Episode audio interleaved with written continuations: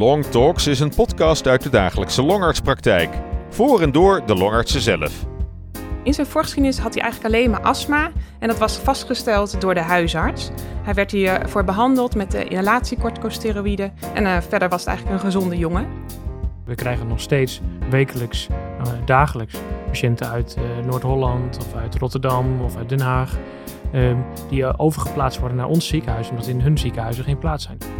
En toen eigenlijk was er al sprake van een uh, ernstig COPD, een GOLD 3, met ook een ernstige diffusiestoornis erbij op basis van uh, fors longemfyseem. En uh, ja, het beloop is eigenlijk altijd gekenmerkt geweest door ja, veel exacerbaties, waarbij ze ook vaak prednisolonkuren nodig had en antibiotica.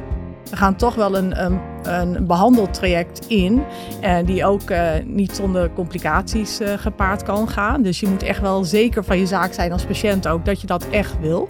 Als je daar speciaal nog even uh, de vaccinaties uitlicht, dan is dat denk ik echt een prestatie geweest die je kan vergelijken met een man op de maan zetten. Waarbij je in korte tijd met allemaal verenigde krachten en één heel duidelijke doelstelling toch een, uh, ja, zo'n vaccin in elkaar sleutelt. En je ziet wat de effecten daarvan zijn.